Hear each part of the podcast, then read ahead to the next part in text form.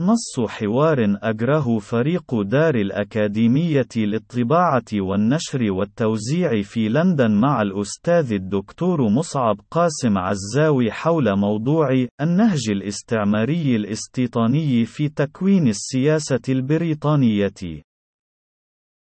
فريق دار الأكاديمية، هل ترى بأن هناك نسقًا استعماريًا استيطانيًا متأصلًا في تكوين السياسة البريطانية تمظهر بشكل مرير في نكبة الشعب الفلسطيني المظلوم، وفي تهشيم العراق دولة ومجتمعًا في العام 2003 مصعب قاسم عزاوي نهج الاستعمار الاستيطاني مبتنى على وعي تلفيقي مستقى بشكل بربري من نظرية الاصطفاء الطبيعي في نسق تطور الكائنات الحية لاستخلاص نهج متوحش في الحيز الاجتماعي مفاده بأن البقاء حصري للأقوى والأكثر فتكا بينما الاندثار البيولوجي والاجتماعي مصير الضعفاء غير القادرين قادرين على اجتراح وجودهم في غابة الحياة الوحشية بمخالبهم وأنيابهم. وذلك النموذج من الوعي متأصل في نهج السياسة الاستعمارية البريطانية تاريخيا، وهو ما وجدت فيه رافعة لصيرورتها الوحشية البربرية المنفلتة من كل عقال أخلاقي بحجج تلفيقية هرائية نشأت في بواكيرها حول واجب ديني ملفق يستوجب قمع المؤمنين من أتباع المذهب المسيحي الكاثوليكي. الأمريكي لصالح تقوية المؤمنين بالمذهب المسيحي البروتستانتي، وهو في الواقع كان تورية لما كان يقوم به الأقوياء الأثرياء المتنفذون من الفئات الاقتصادية الصاعدة بحق مظلوميهم من المستضعفين المقهورين المنهوبين، وهو ما قام به وما زال يقوم به البريطانيون منذ ما يقارب الألف عام في الجزيرة الإيرلندية وهي الجزيرة التي احتلها البريطانيون منذ النصف الثاني من القرن الثاني عشر بالقوة، ولا زالوا ويحتلون الجزء الشمالي منها المعروف بإيرلندا الشمالية بقوة السلاح العار حتى اللحظة المعاصرة بشكل لا يختلف عن نموذج الاستعمار الاستيطاني الذي كان قائما في حقبة نظام الفصل العنصري في جنوب أفريقيا، أو ذلك النظام القائم راهنا في فلسطين المحتلة. وهو الاحتلال العسكري لإيرلندا الشمالية الذي لا زال قائما بالقوة لتكريس مفاعيل التطهير المذهبي والعرقي الذي قام به الإنجليز بشكل ممنهج على امتداد تاريخ استعمارهم الطويل للجزيرة الإيرلندية وبشكل خاص بعد تخليق السبب التلفيقي المذهبي المتمثل بالصراع على تعريف المذهب الأكثر الأكثر طهرانية ونقاء بين الإنجليز أتباع البروتستانتية. والسكان الأصليين للجزيرة الإيرلندية من أتباع المذهب الكاثوليكي، وهو الذي لم يكن في الواقع إلا صراعًا اقتصاديًا اجتماعيًا تمثل في صعود الاقتصادات الأوروبية الغربية والشمالية وخاصة في بريطانيا وألمانيا وما يعرف حاليًا بهولندا وبلجيكا، والتي تبنت في غالبيتها المذهب البروتستانتي، ولم تعد راغبة بالخضوع لسلطة الكنيسة الكاثوليكية والفئات المهيمنة على مفاتيح الحل والعقد فيها في فرنسا وإسبانيا، والاستمرار في دفع الخراجات المهولة التي كان تطلبها الكنيسة الكاثوليكية من كل أتباعها.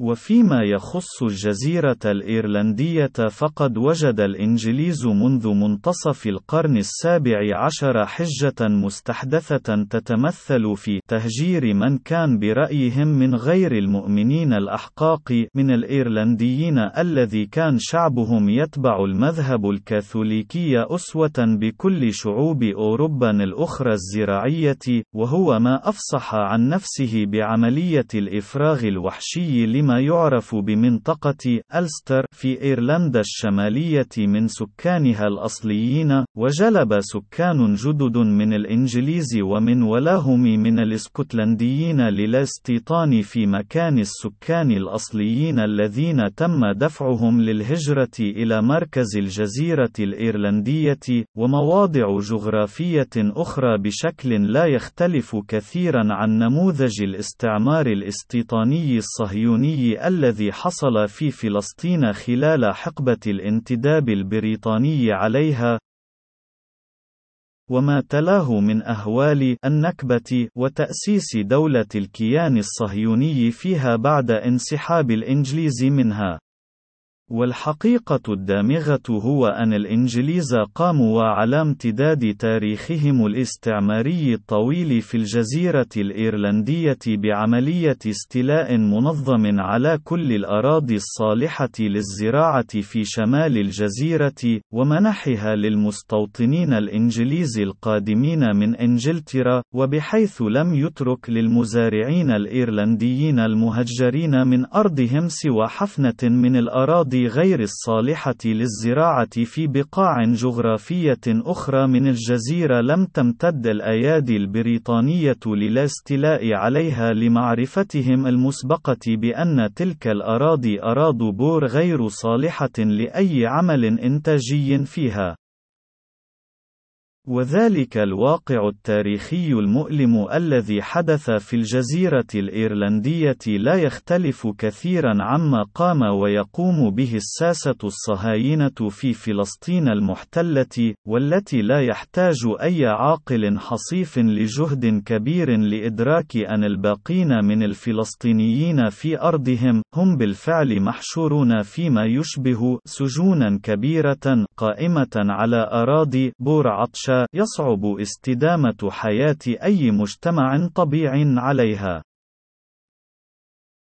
وذلك النموذج من تداخل الوعي العنصري الفوقي المؤسس على رؤية داروينية اجتماعية تلفيقية مع نهج التطرف المذهبي وقمع الأخرين بقوة الحديد والنار ودعم الميليشيات شبه العسكرية الطائفية الذي مارسه الإنجليز ولا زالوا يمارسونه حتى اللحظة الراهنة في إيرلندا الشمالية وجد تمظهره العيان العيانية الذي يفقأ العين في ذلك التبجح الاستعلائي بالانتصار للديمقراطية بعد أن انكشفت أكاذيب المنظر والمؤدلج الأول لغزو العراق في العام 2003 الأفاقي رئيس الوزراء البريطاني توني بلير كبير منظري تخرصات أسلحة الدمار الشامل واو الصواريخ العراقية التي تنتظر دك العاصمة لندن خلال خلال دقائق دون اكتراث بمدى بؤس الإخراج الإعلامي والتلفيقي لأكاذيبه إذ أن الأقوياء غير معنيين بتبرير أفعالهم أخلاقيا أو منطقيا عدا عن أي تبرير قانوني لها في نظام عالمي بائس جوهره تحكم الأقوياء ممثلين بالأعضاء الدائمين في مجلس الأمن الدولي المخولين بحق النقض الفيتو على